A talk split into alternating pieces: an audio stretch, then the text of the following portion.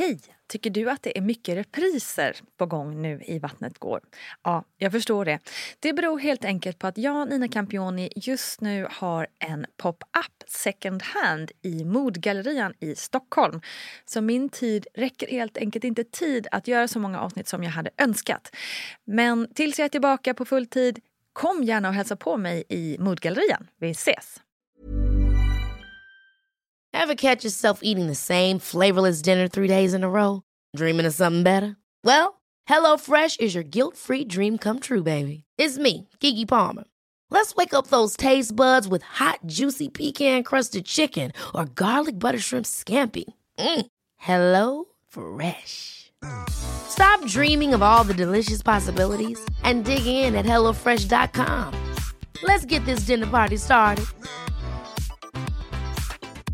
Quality sleep is essential. That's why the Sleep Number Smart Bed is designed for your ever evolving sleep needs. Need a bed that's firmer or softer on either side? Helps you sleep at a comfortable temperature? Sleep Number Smart Beds let you individualize your comfort so you sleep better together. JD Power ranks Sleep Number number 1 in customer satisfaction with mattresses purchased in-store. And now, save 50% on the Sleep Number limited edition Smart Bed for a limited time. For JD Power 2023 award information, visit jdpower.com/awards. Only at a Sleep Number store or sleepnumber.com. Imagine the softest sheets you've ever felt. Now imagine them getting even softer over time. That's what you'll feel with Bowl and Branch's organic cotton sheets. In a recent customer survey, 96% replied that Bowl and Branch sheets get softer with every wash. Start getting your best night's sleep in these sheets that get softer and softer for years to come. Try their sheets with a 30-night guarantee. Plus, get 15% off your first order at bowlandbranch.com. Code BUTTERY. Exclusions apply. See site for details. You should celebrate yourself every day, but some days you should celebrate with jewelry. Whether you want to commemorate an unforgettable moment or just bring some added sparkle to your collection, Blue Nile can offer you expert guidance and a wide assortment of jewelry of the highest quality at the best price. Go to BlueNile.com today and experience the ease and convenience of shopping Blue Nile, the original online jeweler since 1999. That's BlueNile.com. BlueNile.com. När jag bad om det, då hade jag liksom precis känt att nej, nu gör det för ont. Mm, just då, det. det är inte Man har säkert redan att kommit in i det. Ja, Mm. och då är inte säkert att narkosläkaren kommer direkt. Liksom. Precis. Ehm, Så det kan jag väl tipsa någon annan om. Att om man vill ta epidural, att tänka kanske lite steget före. Inte så här be om det när det gör för ont. Varmt välkommen ska just du vara kära lyssnare till ett nytt avsnitt av Vattnet går med mig, Nina Campioni. Vattnet går, ja det gör det ju för de flesta som föder barn förr eller senare så det är därför podden heter som den gör. För vi snackar ju graviditet och förlossning här och även om det naturligtvis är huvudämnet så är det ju ett nytt liv som skapas av andra liv och ja, det är liksom omöjligt att prata om graviditet och en förlossning utan att ta in kvinnans liv, mående och upplevelse i berättelsen. Och alla kvinnor bär ju på en historia, en viktig sådan. Så därför startar jag den här podden i grund och botten för att kvinnor ska få en plats att dela med sig och berätta precis som de upplevde sin förlossning och graviditet. Idag välkomnar jag Elin Oresten som är grundare av Knatteplock med en otrolig förmåga att lösa alla föräldrars matångest med sina veckomatsedlar på Instagram. Tack för det Elin. Vi kommer nu prata om förlossningsdrinkar, epidural och annat spännande. Välkommen Elin Oresten. Du, Elin, du berättade precis att du eh, blivit väckt tidigt idag för din ett och ett halvt åring väckte dig. Eh, Ja. vi- börjar i den änden. Ett och ett halvt år nu har du varit eh, förälder. Hur tycker du att den här första tiden har varit? Första tiden, det är rätt lång tid, men det känns en- annan som har Ja, det känns både ibland. lång och kort. Ja. Ja, nej, men det har varit eh, en berg och dalbana skulle jag säga. Mm. Eh, fantastiskt roligt, spännande. Jag har aldrig gjort det här förut, det är mitt första barn. Så det har varit mycket liksom, oroligheter också eftersom att Mm. allting sker för första gången. Ehm, Så det har varit mycket känslor. Så här, glädje, oro, lite sömn. Eh, ett helt nytt kapitel i livet. På Mm. sätt. Det känns som att tiden har gått väldigt fort samtidigt som att jag kommer knappt ihåg hur livet var innan henne. Just det. Det är så självklart att hon finns med oss. Mm. Så att det har varit eh, ja, men jättekul och jag tycker bara det egentligen blir roligare och roligare med tiden ju äldre hon blir. Samtidigt som att jag ibland också kan bli lite sådär att jag saknar bebistiden. Nostalgiska, precis. Ja. Känner jag igen. vad, vad har varit den största utmaningen tycker du? Bra fråga. Nej, men, eh, om man tänker på ett personligt plan så tycker jag det har varit utmanande med sömnbristen. Vi har haft ganska Mm. tufft med sömnen. Det påverkar en på fler sätt tror jag vad man tror. Eh, Gud ja. Man, liksom, man orkar inte göra allt som man kanske vill göra. Man kanske inte orkar vara den mamman man vill vara alltid. Mm. Ehm, så det har varit jobbigt tycker jag. Men nu börjar sömnen ordna upp sig så att det, det känns ändå bra. Ehm, men sen, det är utmanande tycker jag att ehm, ja, men hitta sig själv som förälder. Vem jag vill vara och hur jag vill vara med Bonnie och som min dotter heter. Ehm, och det tycker jag liksom, man formar med tiden. Och det tycker jag Mm. blir bara lättare och lättare också. Så att, eh, ja, det är liksom de stora frågorna. del. ja. ja, men det händer, mycket, det händer ju mycket i en, liksom. Eh, ja, såklart. gör ju det.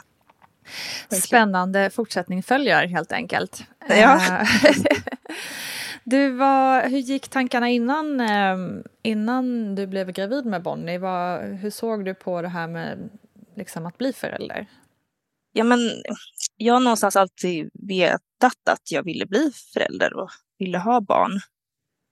Eh, sen så var det inte självklart just där och då att vi skulle skaffa barn, jag och min man. Vi hade varit gifta i två år, men varit tillsammans jättelänge. Jag var 20 år när jag träffade honom.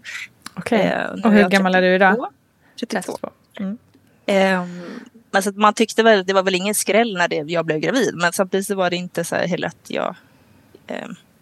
nej, men jag längtade inte just där då egentligen. Men sen kom eh, pandemin Mm. och eh, då var man hemma mycket och tänkte mycket. Ehm, och sen så blev min pappa allvarligt sjuk där också, Okej. samma veva. Så um, det satte igång mycket tankar hos mig och jag kände att jag vill att mina föräldrar ska få vara med när mina barn växer upp. Mm. Så då, ja, men då kände jag så här, nej men jag, nu vill jag ha barn. Så det kom ganska sådär plötsligt att säga, men Mm. jag känner mig redo nu. Mm. Så då, då började vi försöka helt enkelt. Då satte ni fart. Det blev liksom en självklarhet men ganska plötsligt ändå. Ja. Det är ändå intressant och liksom så här hur om hur man plötsligt finner sig i en situation där det, där, där det tar över. Liksom, ehm, ja, men det är en slags instinkt i, fast den kommer utifrån på något vis kanske. Samt, ja, Mm. Kombinationen utifrån Ja. inifrån behovet. Väldigt intressant. Ja men verkligen. Ja, men det fanns ju någonstans i mig. Jag vill ju ha barn, jag älskar Ja. barn. Men det är också så här, väldigt svårt att hitta rätt tidpunkt tycker jag i livet. Absolut. Jag var liksom mitt uppe i kanske att göra en karriär och hade liksom kanske inte liksom sett att jag just då skulle skaffa barn. Men, Mm. men sen när det bara polletten föll ner på något sätt så var det självklart. Var det då det skulle hända liksom? Ja. Och hur kände du när du eh, kissade på stickan? Ja, jag var ganska förvånad för att jag hade faktiskt kissat på stickan. Mm. Eh, det var någon dag innan mens. Jag kände liksom att jag hade så mycket symptom och eh, tänkte väl, men det här är antingen graviditetssymptom eller PMS. Mm. Eh, och då kissade jag på stickan och då var det negativt. Så då tänkte jag, ja, det var ju besviken såklart. Men eh, ja, tänkte vi får testa nästa månad igen. Mm. Men sen så gick det en tid och jag hade fortfarande inte fått mensen och det blev midsommarafton. Och då brukar man ju ändå ta sig ett glas kanske. Ja. Och då kände jag så här, nej jag måste ändå testa igen eh, och se. Ehm, och då visade det positivt där på midsommaraftons morgon. Det, ja, men jag blev ju överlycklig såklart. Mm. Det kändes chockartat på något sätt att jag har aldrig varit gravid innan så jag var lite så här, kan jag ens bli gravid? Det visste jag inte. Så att, eh, det var också en skön känsla Mm. få det där plusset. Mm, faktiskt. just det. Hur var det då? Jag vet inte, gissa, hade ni planer på midsommarafton där och skulle träffa andra människor och sådär eller? Ja, vi hade ju faktiskt det. Vi skulle ut och gå på en sån stor picknick med massa vänner. Mm. Så att, eh, ja, då var det så här, hur, hur ska jag liksom... Dels, jag ville ändå hålla det här, liksom, våra lilla hemligheter precis i början. Mm. Så, men det, här, men det var ju så stort så att jag kände att det enda jag ville göra var ju stå med en megafon och Ja. skrika jag är gravid.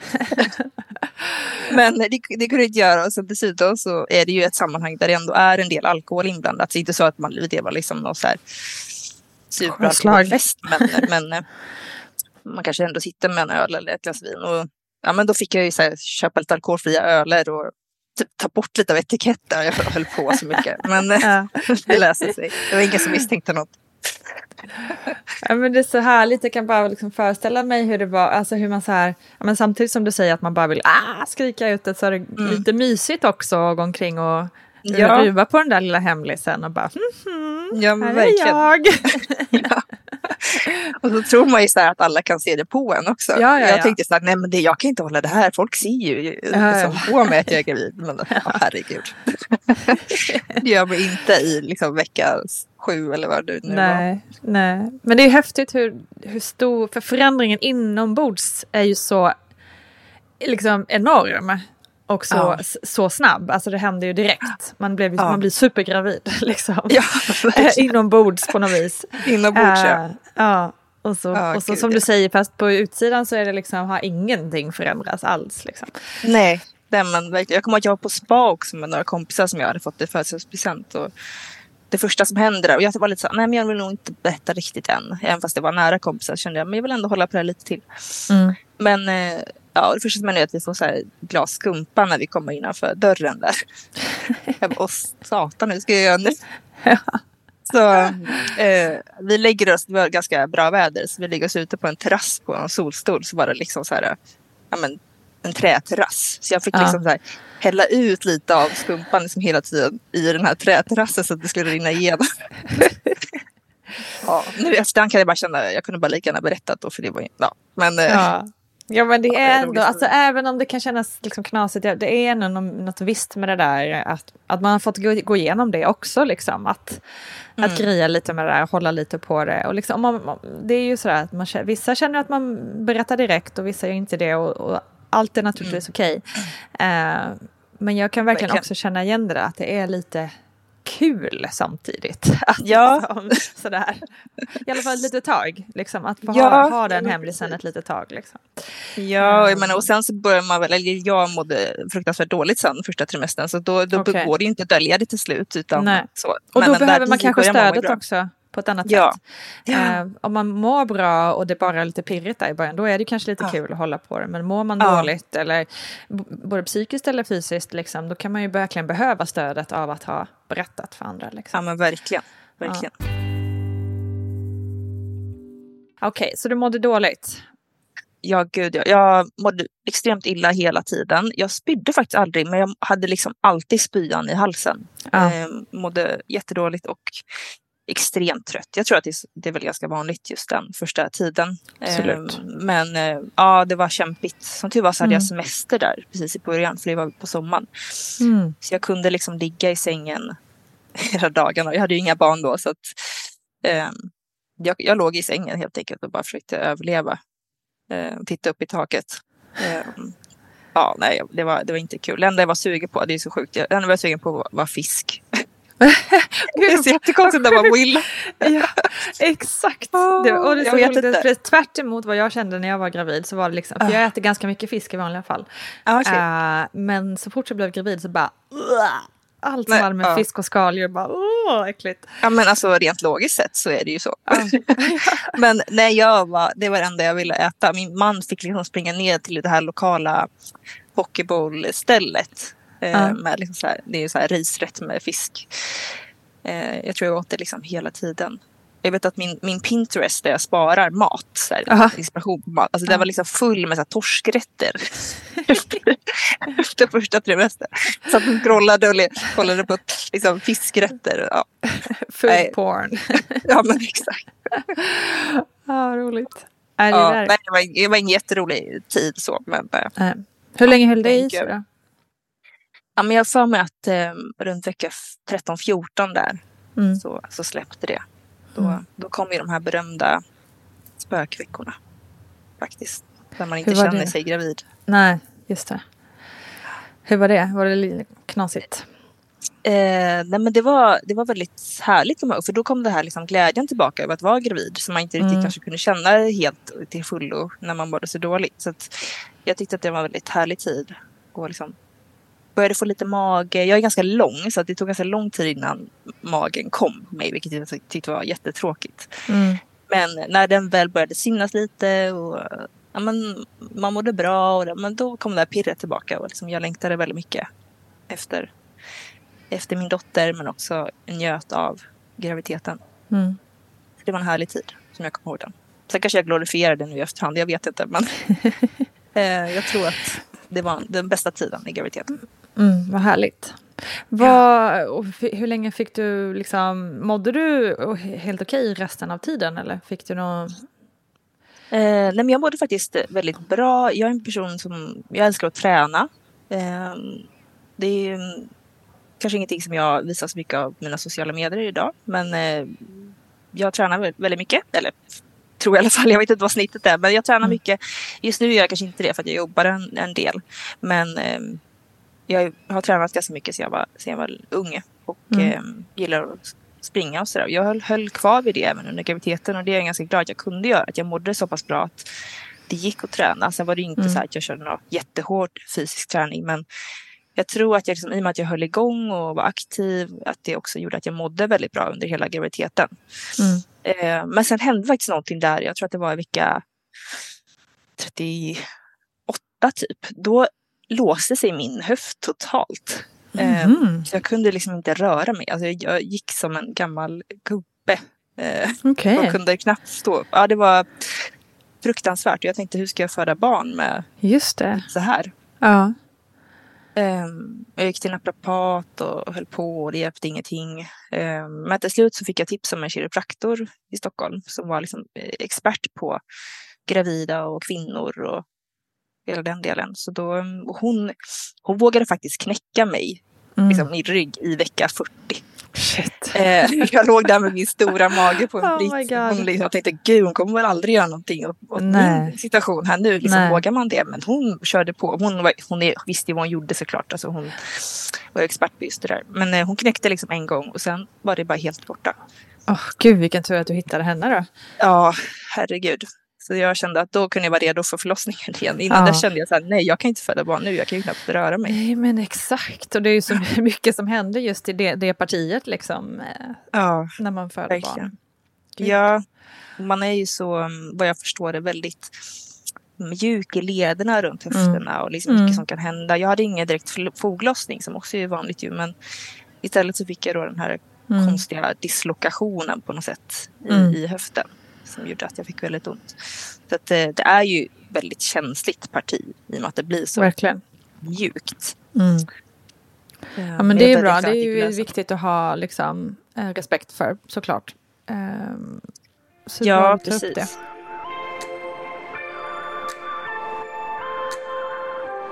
Hur har du annars eh, förberett dig på själva förlossningen? Ja, jag började faktiskt förbereda, förbereda mig nästan direkt när jag blev gravid. För jag visste att det var någonting som jag var ganska rädd för. Faktiskt. Så jag mm. började liksom, inte kanske göra något specifikt utan mer mentalt. Att jag tänkte på den och visualiserade förlossningen. Mm. Och tänkte på den på ett positivt plan.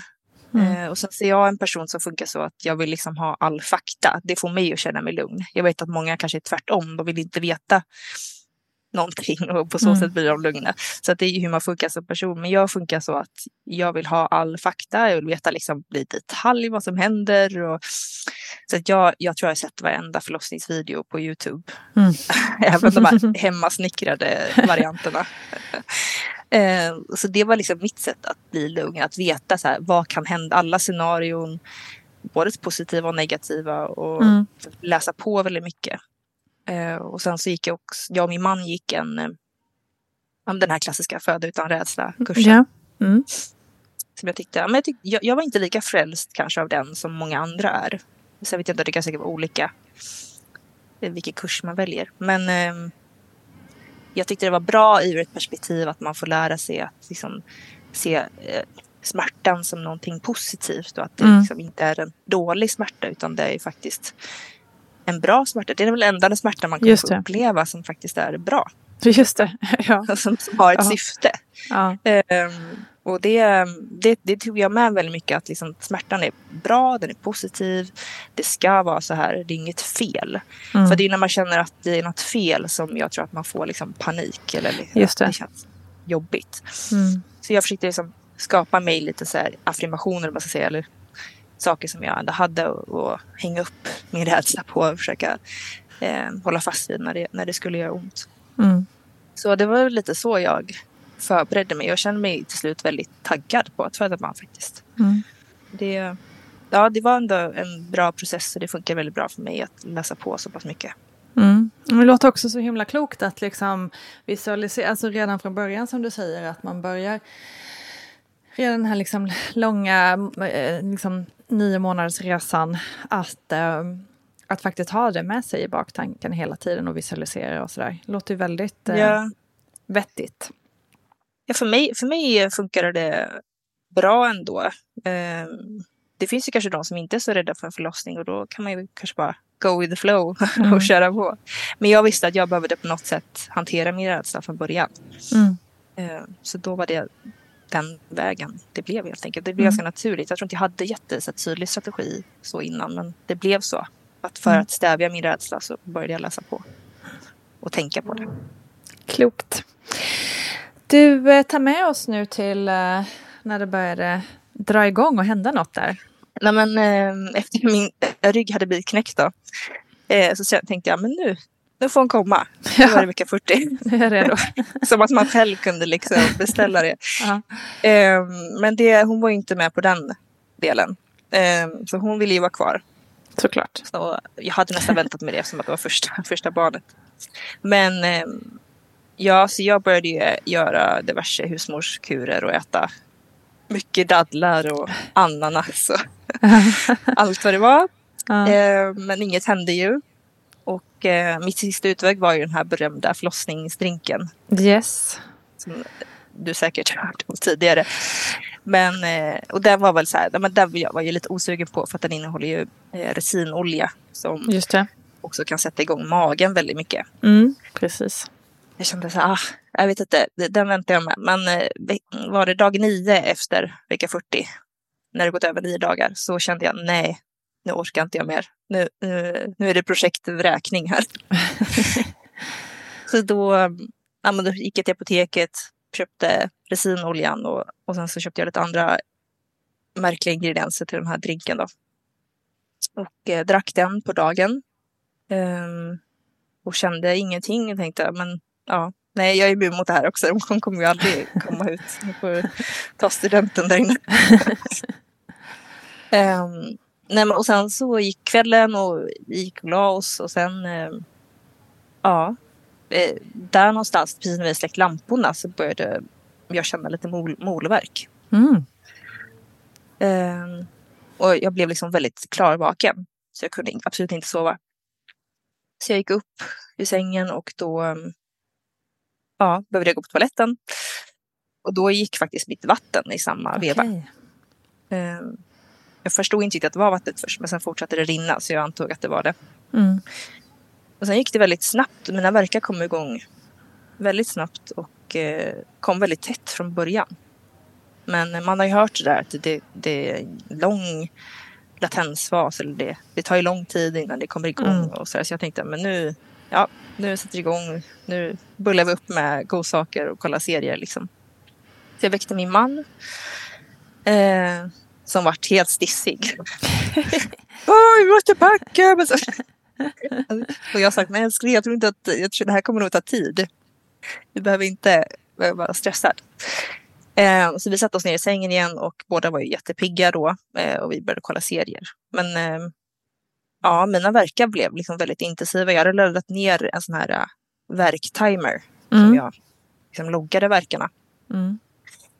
Och de kom, alltså det var bara någon, en, en och en halv minut emellan hela tiden. Så de, de kom väldigt tight. Ehm, och jag tänkte väl att det är så det ska vara. Men sen, min man var väl eh, kanske lite mer rationell där och tänkte men eh, du har ju väldigt ont och de kommer ju väldigt tight. Ska vi inte? För vi hade ringt när mitt vatten gick. Men då, bara för att berätta det. Just det. Eh, Och så skulle jag ringa tillbaka när det satte igång mer. Så han ringde förlossningen igen och sa, men nu har min fru väldigt ont här. Men det hade bara gått någon timme efter att mm. jag hade ringt förra gången. Så de bad om att prata med mig, och då, men jag hade kunnat knappt prata. Jag fick verkar hela tiden. Så um, då åkte vi faktiskt in. Ja, bra. Så det hela gick ganska snabbt eh, hemma. Så. Verkligen. Hur känns det då? Kändes det liksom som att man så här Alltså var det skönt att det ändå liksom gick hyfsat fort så att ni fick komma in eller blev man lite så snuvad på det här som du lite var inne på, bulla upp, kolla lite på serien, mysa lite, tajma lite verkar? Ja, bra fråga, jag har nog inte tänkt på det men nej. Ehm, eh, nej, jag tror att jag tyckte att det var ganska skönt faktiskt att komma in. Mm. Mm. Eh, jag var lite rädd för att få en sån här jätteutdragen latensfas, att vara hemma fler dagar med ont för det, ja, jag förstår, det måste ju vara helt utmattande. Mm. Och ha en sån lång latensfas. Men mm. jag var inte heller säker på att vi skulle få komma in, eller stanna rättare sagt. Eh, nej, det är ju tyvärr är så att man inte ja. känner sig så säker på det. Nej. nej, ehm, men när vi kom in där och skulle undersökas, då kom vi in till ett rum och det var liksom tända ljus och det var väldigt mysigt. Så jag tänkte, men gud vad fint de har i undersökningsrummen, tänkte jag. Så här, men, vad härligt. Eh, så blev jag undersökt och då var jag bara två centimeter öppen. Så tänkte jag, ah, ja, jag var på väg att packa ihop där och åka hem. Men då sa barnmorskan typ att, ja men nu, du ska ju stanna. och då var det ju tydligen, det finns ju så tre kriterier tror jag. Att, eh, alltså, mm, hur tajta verkar man har, ja. eh, om vattnet har gått. Eh, och hur öppen man är. Ja, hur öppen man är. Just det. Mm. Eh, och jag tickade ju, jag liksom, kunde checka av två av dem där. Mm. Så jag fick ju stanna även fast jag var två centimeter öppen. Så hon bara, det här är ditt rum och vi har ju tänt upp ljus här och allting. Jag bara, jaha, jag trodde att det här var era undersökningsrum liksom. Ja, men så då blev jag jätteglad att vi fick stanna ändå. Det kändes mm, väldigt skönt. Det förstår jag.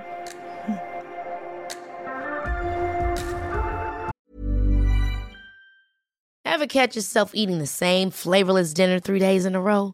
Dreaming of something better? Well, hello fresh is your guilt free dream come true baby. It's me, Gigi Palmer. Let's wake up those taste buds with hot, juicy pecan crusted chicken or garlic butter shrimp scampi. Mm. Hello Fresh. Stop dreaming of all the delicious possibilities and dig in at HelloFresh.com. Let's get this dinner party started. Quality sleep is essential. That's why the Sleep Number Smart Bed is designed for your ever evolving sleep needs. Need a bed that's firmer or softer on either side? Helps you sleep at a comfortable temperature? Sleep Number smart beds let you individualize your comfort so you sleep better together. JD Power ranks Sleep Number number 1 in customer satisfaction with mattresses purchased in-store. And now, save 50% on the Sleep Number limited edition smart bed for a limited time. For JD Power 2023 award information, visit jdpower.com/awards. Only at a Sleep Number store or sleepnumber.com. I'm Sandra, and I'm just the professional your small business was looking for. But you didn't hire me because you didn't use LinkedIn jobs. LinkedIn has professionals you can't find anywhere else, including those who aren't actively looking for a new job but might be open to the perfect role, like me. In a given month, over 70% of LinkedIn users don't visit other leading job sites. So if you're not looking on LinkedIn, you'll miss out on great candidates like Sandra. Start hiring professionals like a professional. Post your free job on linkedin.com/people today. One size fits all seemed like a good idea for clothes. Nice dress. Uh, it's a it's a t-shirt. Until you tried it on. Same goes for your healthcare. That's why United Healthcare offers a variety of flexible, budget-friendly coverage for medical, vision, dental, and more. So whether you're between jobs, coming off a parent's plan, or even missed open enrollment, you can find the plan that fits you best. Find out more about United Healthcare coverage at uh1.com. That's uh1.com. Wow! Nice! Yeah! What you're hearing are the sounds of people everywhere putting on Bombas socks, underwear, and t shirts made from absurdly soft materials that feel like plush clouds.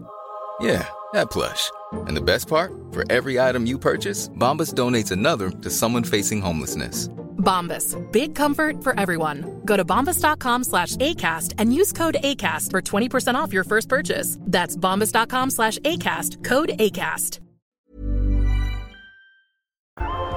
Och hur gick det sen då? Eftersom det gick ganska fort där i början. Fortsatte det i samma takt? Eh, ja, men jag tror att allting är väl relativt. Men för att vara förstagångsföderska så tror jag att det gick ganska fort.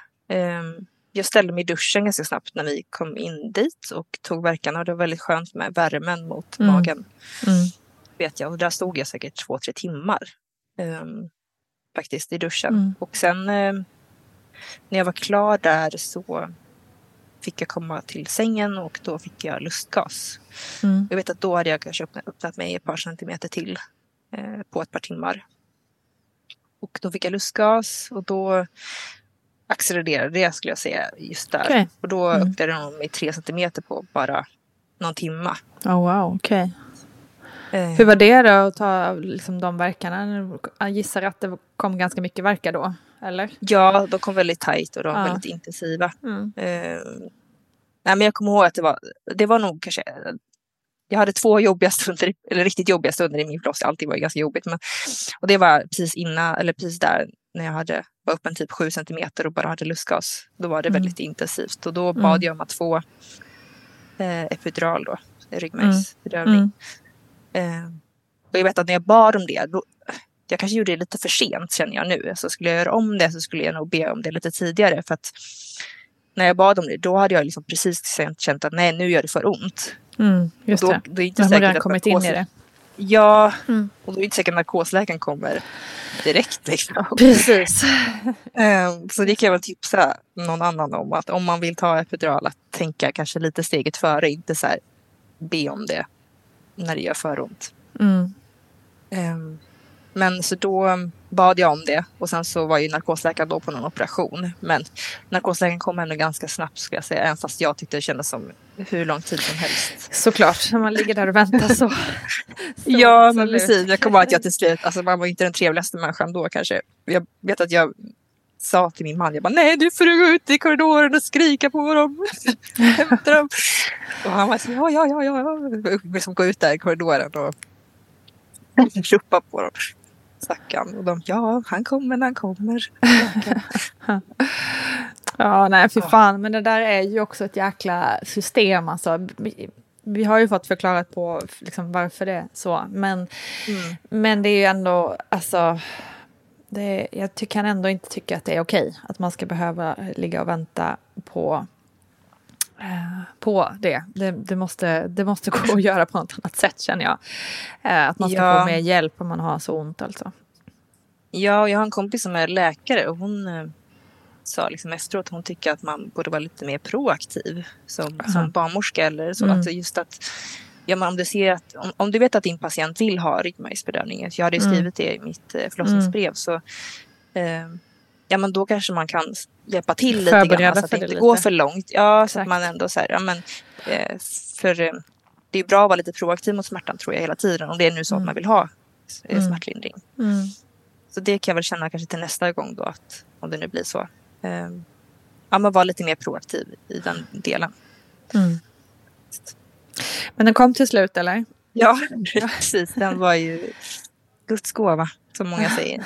Det, först tog den bara på ena sidan, så det var lite jobbigt. Men, Men, det hade jag också. Usch. hade du det? Ja. Mm. Det är Ja, var- fruktansvärt. Det är så, Ja, och då blev det jättekonstigt. Jag vet inte hur Ja. du kände, för jag fick liksom Jo. extra ont på ena sidan nästan. Exakt. Men, precis, det blir liksom... Och så blir det blir någon tilt i hjärnan också på något vis. Att man så här Ja. känner sig helt sned. Ja. på ett konstigt sätt. Ja men verkligen, nej, det var jättekonstigt. Jag kände bara nej, men det här var ju inget bättre, tänkte Nej. jag först. Eh, men då fick jag liksom lägga mig i någon konstig ställning. Just Så det. rann, rann det liksom till andra Ja. sidan. Jag vet Ja. inte om det löser sig för dig, men Eh, jag gick tror att i mitt fall, hur var det nog? Jag för mig att, att jag fick liksom tömma blåsan. Jaha. Tror jag det var. Att det liksom låg, att liksom um, urinblåsan låg liksom, täck, liksom låg lite i, vägen. Eh, Ja. Och när, när jag kunde ha tömt den så då sipprade det då över liksom. Aha, Så det låg och blockade på något vis. Ja, just På det. något konstigt sätt. Eh, Ja. Så det är absolut, det ordnar sig för mig också. Men, men det är, och det här har jag ju sagt många gånger i podden att det var också mitt, min första förlossning. Och man, man, som jag är så många kvinnor före mig också. Nej, men det ska säkert vara så här. Eller inte ska väl jag liksom klaga. Nu har jag fått den här bedövningen, nu får jag väl vara nöjd. Liksom. Alltså, du vet, så här. Ja, men Istället för att verkligen. säga till att det, är nog någonting som inte riktigt eh, är korrekt här. Liksom. Mm. Eh, men till slut gjorde jag ju det. Men det, det, ja, gud vad man håller på.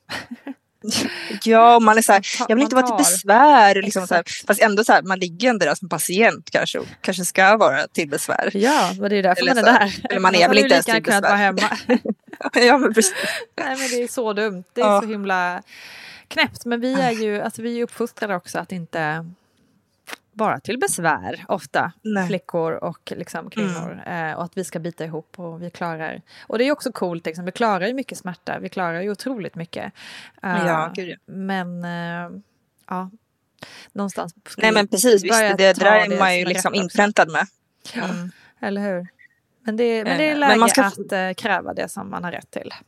Ja, verkligen. Man ska, vara, man ska vara självisk på sin förlossning, tycker jag. Ja, det ska man verkligen vara. Verkligen. Det, liksom, det ska vara mi, mi, mi. Liksom, Yes. Kanske enda situationen i livet där det ska vara så, tycker jag. Mm. enda är väl fel att säga. Men, men alltså, det ska, man ska inte vara rädd för att eh, liksom, göra det så bra som möjligt för en själv. För att, eh, Nej, det är ju du som har det jobbigast i, i det rummet. 100 procent. Men sen när den här epiduralen satte sig på bägge sidor, då var det ju en väldigt härlig del av förlossningen. Jag kände ju absolut ingen smärta. Eh, Jag öppnade mig fortfarande lika snabbt. Så det kändes ju jättekonstigt att man kunde föda barn så. Ja. Ehm, men alltså jag öppnade mig till 10 centimeter och eh, men problemet var att och det gick också ganska snabbt faktiskt. Då var jag väl tidigt på morgonen, då var det liksom, jag helt öppen. Men hon var liksom, låg för långt upp i, i Mm. kanalen eller vad man ska säga. Mm. Så jag kunde liksom inte börja krysta. Barnet ska ju ligga, vad jag förstått det, liksom mot bäckenet nästan, Just så det. långt nere. Mm.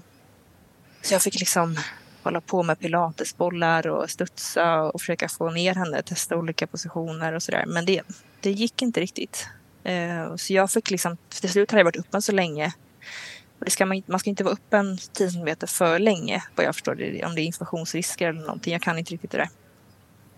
Så att jag fick liksom börja krysta Okej. ändå. Mm. För att liksom, även från, fast hon var högt uppe. Okej. Eh, men problemet var ju då att epiduralen hade tagit mina krystverkar. Eller jag kände inte dem rättare sagt. Och, eh, så att jag fick ju börja krysta utan att känna krystverkarna och det var ju jättesvårt. Ja, det måste ju vara så svårt. Ja, eller jag vet inte hur det är att föda och känna Nej, nej, Men- jag kan ju tänka mig, eller vad jag förstått i alla fall, så är det ju att alltså, det blir en eh, större kraft från hela kroppen. Mm. Mm. Jag hade ju ingen sån hjälp. Jag fick liksom hjälpa barnmorskan som höll två fingrar uppe i ja, med JJ. Mm. Liksom, fick- liksom, men du ska trycka emot eh, mina fingrar. Då var det som så jag fick kraft. Jag har liksom ingen ja. annan eh, kraft i mig. Så, så det var, ja, jag fick börja krysta och det, i början var det helt okej. Liksom. Det gick, gick lite framåt men det var väl lite sådär eh, två steg fram ett steg bak. Ehm, men till slut så började det göra väldigt ont.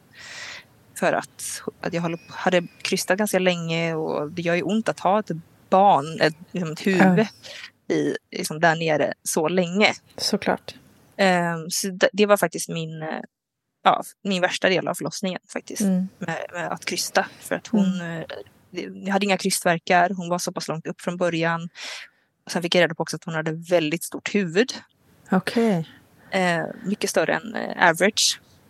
Så ehm, det var många faktorer som gjorde att jag, jag krystade i över en halv timme. Ja. Och jag, jag fick reda på sen att kanske snittet är att krysta 20 minuter. Och sånt Mm.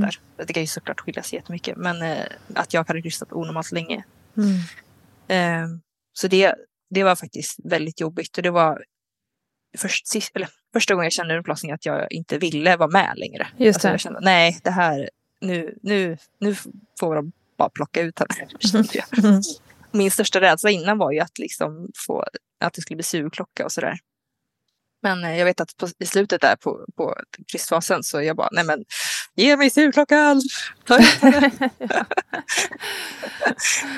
oh, så då, men de var hela tiden så jo men de kommer snart, vi ser huvudet och sådär. Och jag tyckte bara, nej vad är det här för lögnare? Uh, tyckte att alla bara ljög hela tiden. Men de, hon var ju säkert på väg ut med att det var trögt liksom. Um, jag, stod, jag, jag, fick, eller, jag slapp faktiskt sugklocka och klipp och allt det där.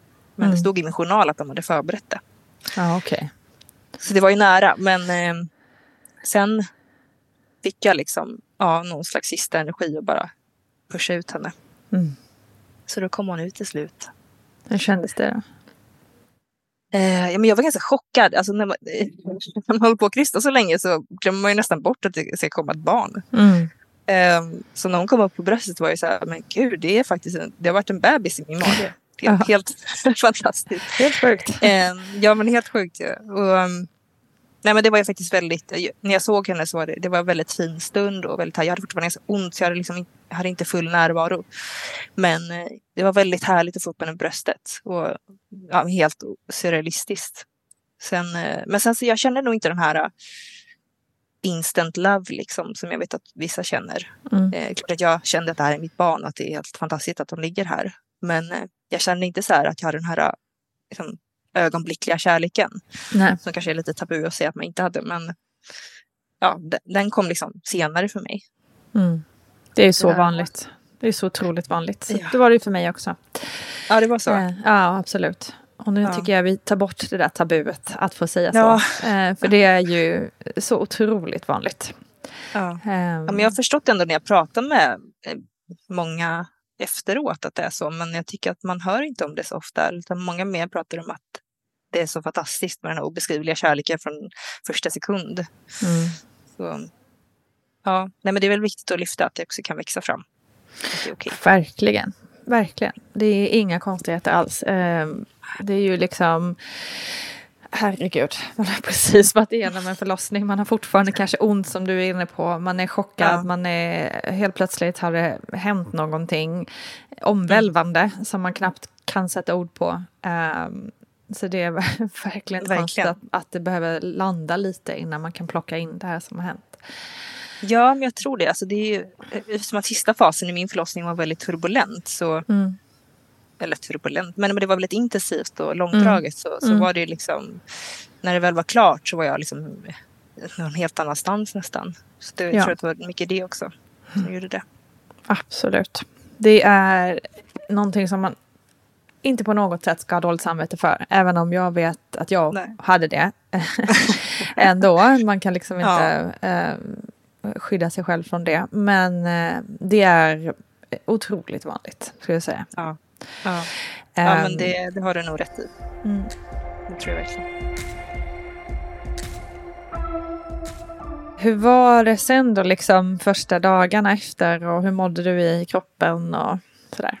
Jo, ja, men det var mm, mycket dubbla känslor dagen efter. Både väldigt glad och alltså jag var fantastiskt glad att jag hade tagit mig igenom det här för det första med förlossningen. Mm. Eh, och att hon nu var med oss. Och det var ju, jag var jätteglad för det och liksom kunde sitta och titta på henne och så här, men gud, jag kunde inte riktigt förstå att det var mitt barn. Det Mm. kändes som att någon skulle komma och hämta henne. Typ att jag var barnvakt eller någonting. Eh, men sen så var det också väldigt mycket hormoner och jag hade väldigt ont i brösten. Jag tyckte amningen var väldigt jobbig i början. Så att, eh, Ja. Det var liksom vä- väldigt dubbelt sådär. Jag var väldigt fascinerad över kroppen men samtidigt hade jag väldigt ont överallt. Både där nere och i brösten och Mm. sådär. Så att, eh, jag tyckte nog att det var ganska tuff tid i första, första tiden faktiskt. Innan man kom in i det och hade läkt. Ja, och det är inte heller ovanligt såklart.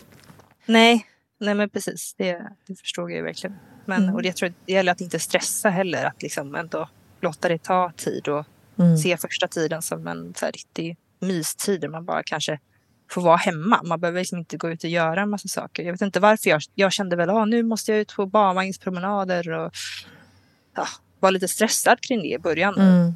Det, det känner jag väl nu att jag vet inte varför jag kände så. Jag borde bara ha alltså, varit helt nöjd med att vara hemma och kolla serier och mysa med min bebis. Ja.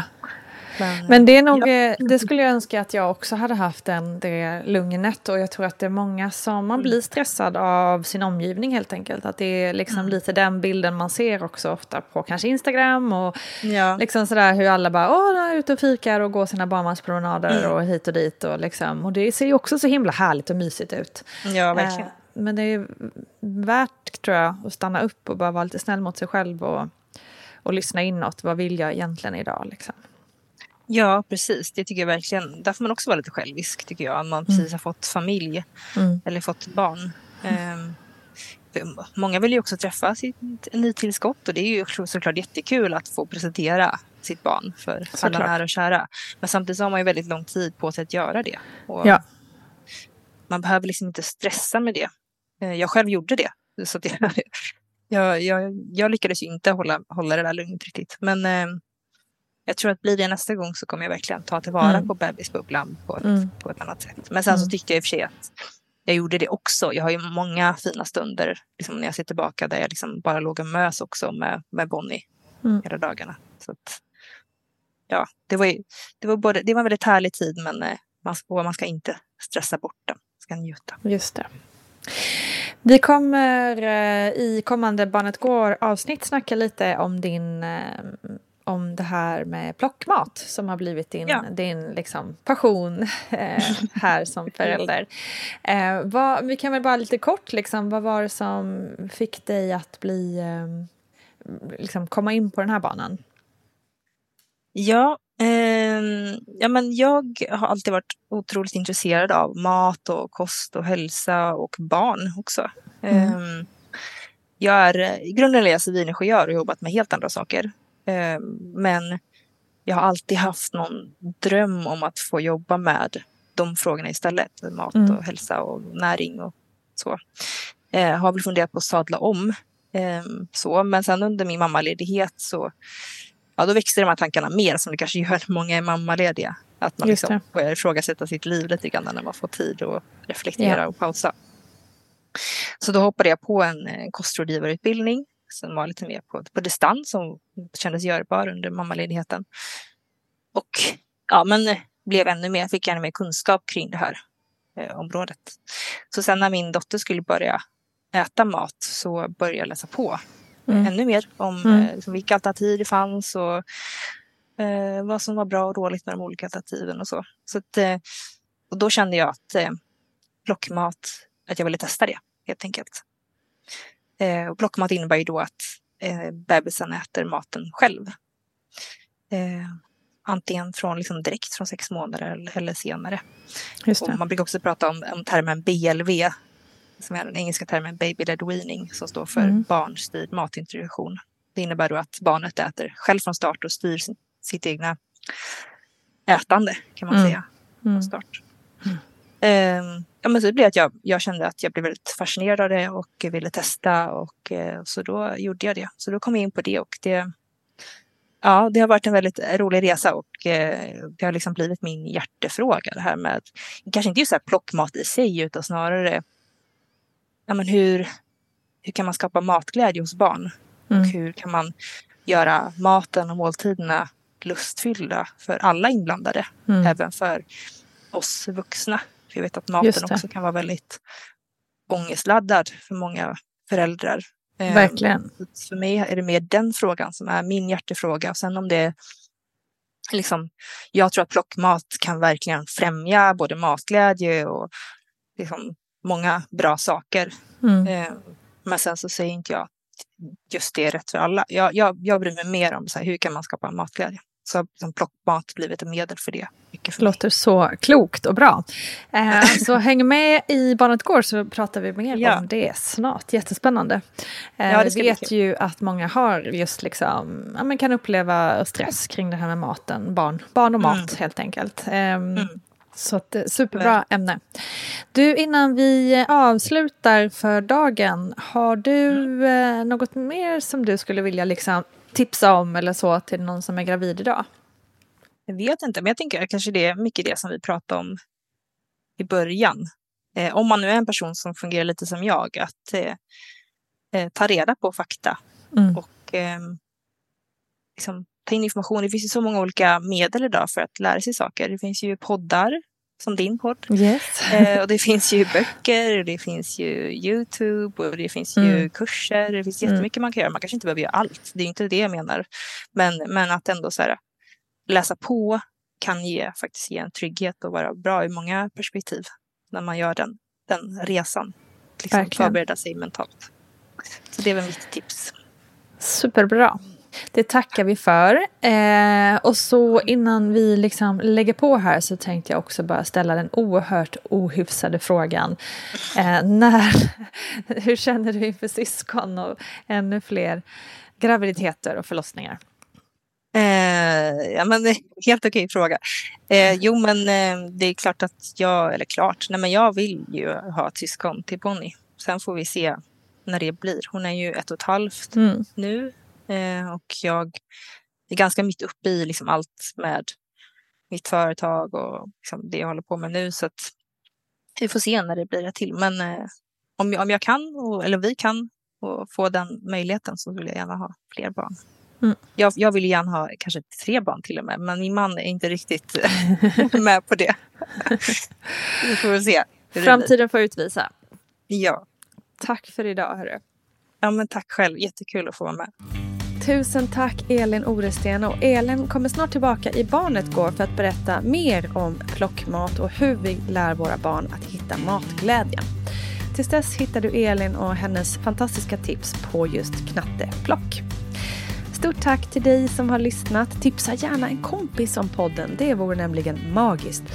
Och missa inte naturligtvis att vi har en fantastisk mammagrupp på Facebook där vi stöttar varandra och så finns det ju naturligtvis Vattnet går även på Instagram. Ja, som bok också för den delen. Spana in det.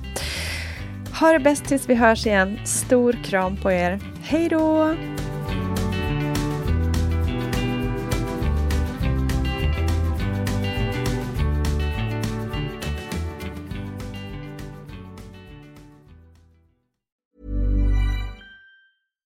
Hi, I'm Daniel, founder of Pretty Litter. Cats and cat owners deserve better than any old-fashioned litter. That's why I teamed up with scientists and veterinarians to create Pretty Litter. Its innovative crystal formula has superior odor control and weighs up to 80% less than clay litter.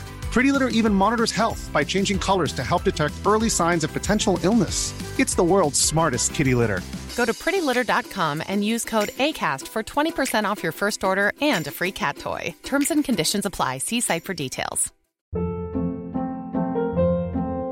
Hold up. What was that? Boring. No flavor. That was as bad as those leftovers you ate all week. Kiki Palmer here, and it's time to say hello to something fresh and guilt-free. Hello Fresh. Jazz up dinner with pecan-crusted chicken or garlic butter shrimp scampi. Now that's music to my mouth. Hello Fresh. Let's get this dinner party started. Discover all the delicious possibilities at hellofresh.com.